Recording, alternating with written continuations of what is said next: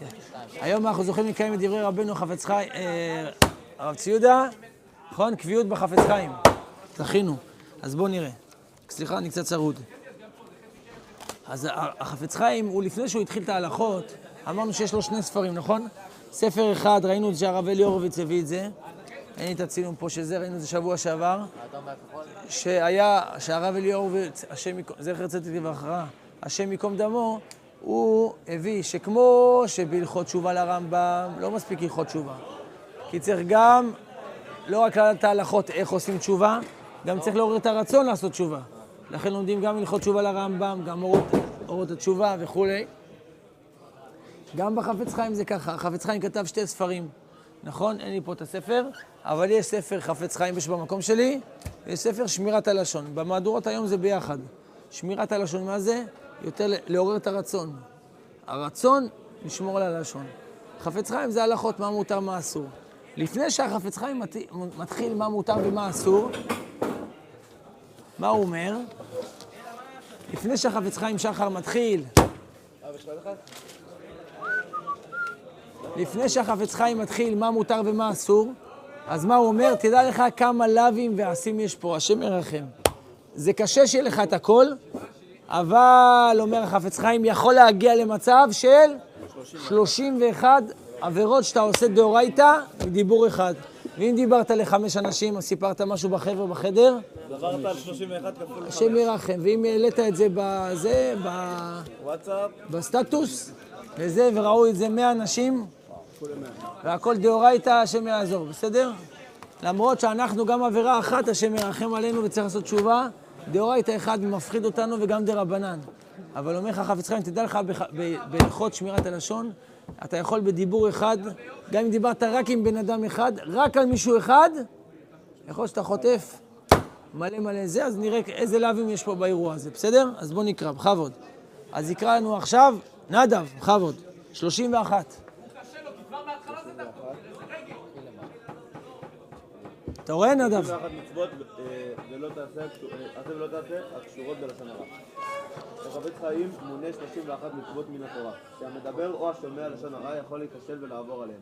מניין זה... אה, מניין, כן. מניין זה של עבירות, מתייחס אמנם לתנאים ונסיבות שונות, אך בכל מקרה מביא דיבור לשון הרע לידי עבירות רבות.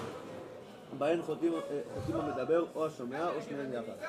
מי שעובר על, רשימה זו של מצוות, עשה ולא תעשה, קשור בלשון הרע, נוכח לדעת כי הימנעות מל- מלדבר אה, לשון הרע אינה רק נוהג הגון וראוי לשבח, אלא חובה עליונה של כל מקיים תורה ומצוות. אז מישהו שאל, נו פשוט, נכון, כתוב פה, זה ציטוט מתוך ספר שקוראים לו נצור לשונך, שזה ספר שמעבד קצת, אה, קצת אה, אומר את זה בשפה יותר קצרה ויותר פשוטה את ההלכות. אז כתוב פה שמסקנה מזה שיש לנו המון המון המון עבירות ולאווין, וקראנו השבת ערורי, נכון? יש גם ערור על זה. ובחפץ חיים, מה המסקנה? שזה לא רק ראוי לשבח והגון למי ששומר על הלשון שלו, אלא חובה עליונה. אתם אומרים לי, זה פשוט? אם זה פשוט, אז למה אנחנו לא מקיימים את זה קשה. נכון? נועם, נועם, נכון? כן. אז אנחנו רואים שיש 31 מצוות מן התורה, שמי שמדבר אותם יכול חס ושלום לעבור את זה, בסדר?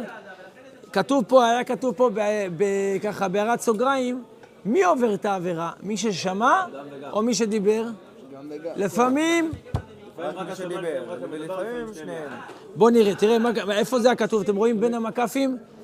חוטאים המדבר, או השומע או השומע, שניהם יחד. או שניהם יחד.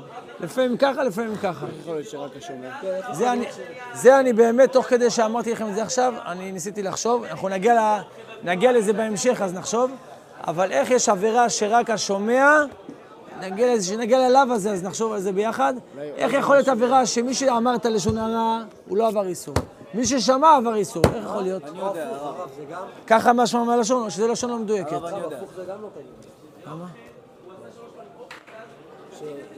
אני חס ושלום, לא אני, מישהו מספר לשון הרע לחבר שלו, והוא לא רוצה להקשיב, אז הוא לא מתעלם.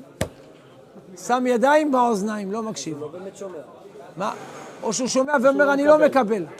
כל מה שהוא אומר, אני יודע, הוא מגזים, ויש לו עין רעה, ואני לא מקבל את מה שהוא אומר. אז אחד אמר, והשני שמע, והוא לא קיבל, אז הוא לא עבר איסור. יש הלכות לשומע.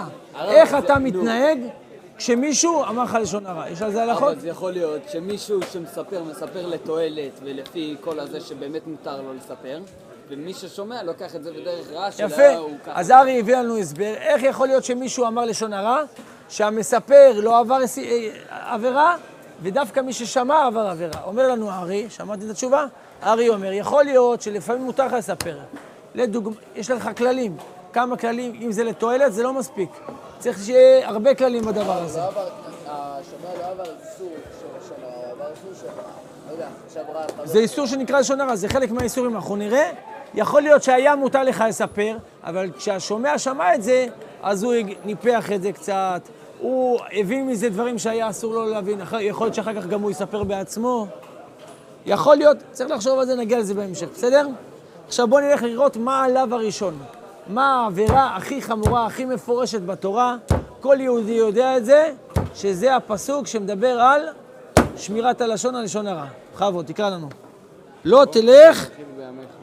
לא, בקול, בניגון. לא תלך רכיל בעמך. יפה, פסוק בויקרא, בכבוד. זהו עליו העוסק, במיוחד ובמפורש בלשון הרע ובר- וברכילות. לשון הרע הוא כינוי לדברי גנאי שמספרים על הזולת. רכילות הוא כינוי לסיפור דברים שמספר אדם לחברו כי פלוני אמר או עשה דבר נגדו. אדם זה נקרא הולך רכיל, משום, משום דמיונו לרוכל.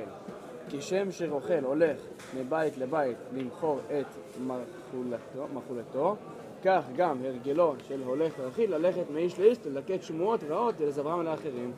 יפה, אז ראינו פה כמה דברים. קודם כל, יש פה לאו מפורש. אם אני הייתי אומר לכם, תסבירו לי רגע, מה זה לא תלך רכיל בעמך? מה זה המילה רכיל? רכיל, מה זה רכיל? מה, רבו ישראל, אתם גדלתם בארץ?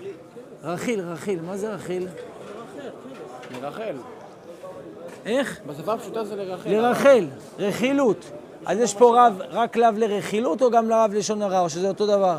אותו דבר. רבנו, איך קוראים לך? מה השם? יהודה. אז, אז יש פה רק לאו לרכילות, או שיש פה גם לאו לשון הרע, או שזה אותו דבר, אין הבדל? גם וגם. גם וגם. מה הפשט? שהרכיל זה מי שהולך לאנשים להגיד להם, נו, אז יש פה לאו על רכילות, למה אתה, מדבר. למה אתה אומר לי... זה על- המדבר, לא על אני. מסכים עם יהודה. לא תלך רכיל, זה לאו של מישהו שהוא אומר רכילות, אנחנו עוד שנייה עוצרים, זה לאו של רכילות. עוד מעט נראה איך למדו מפה, זה מחלוקת אולי ראשונים, איך למדו מפה, גם לאו על לשון הרע, זה רק רכילות. נעסוק בזה מחר בעזרת השם.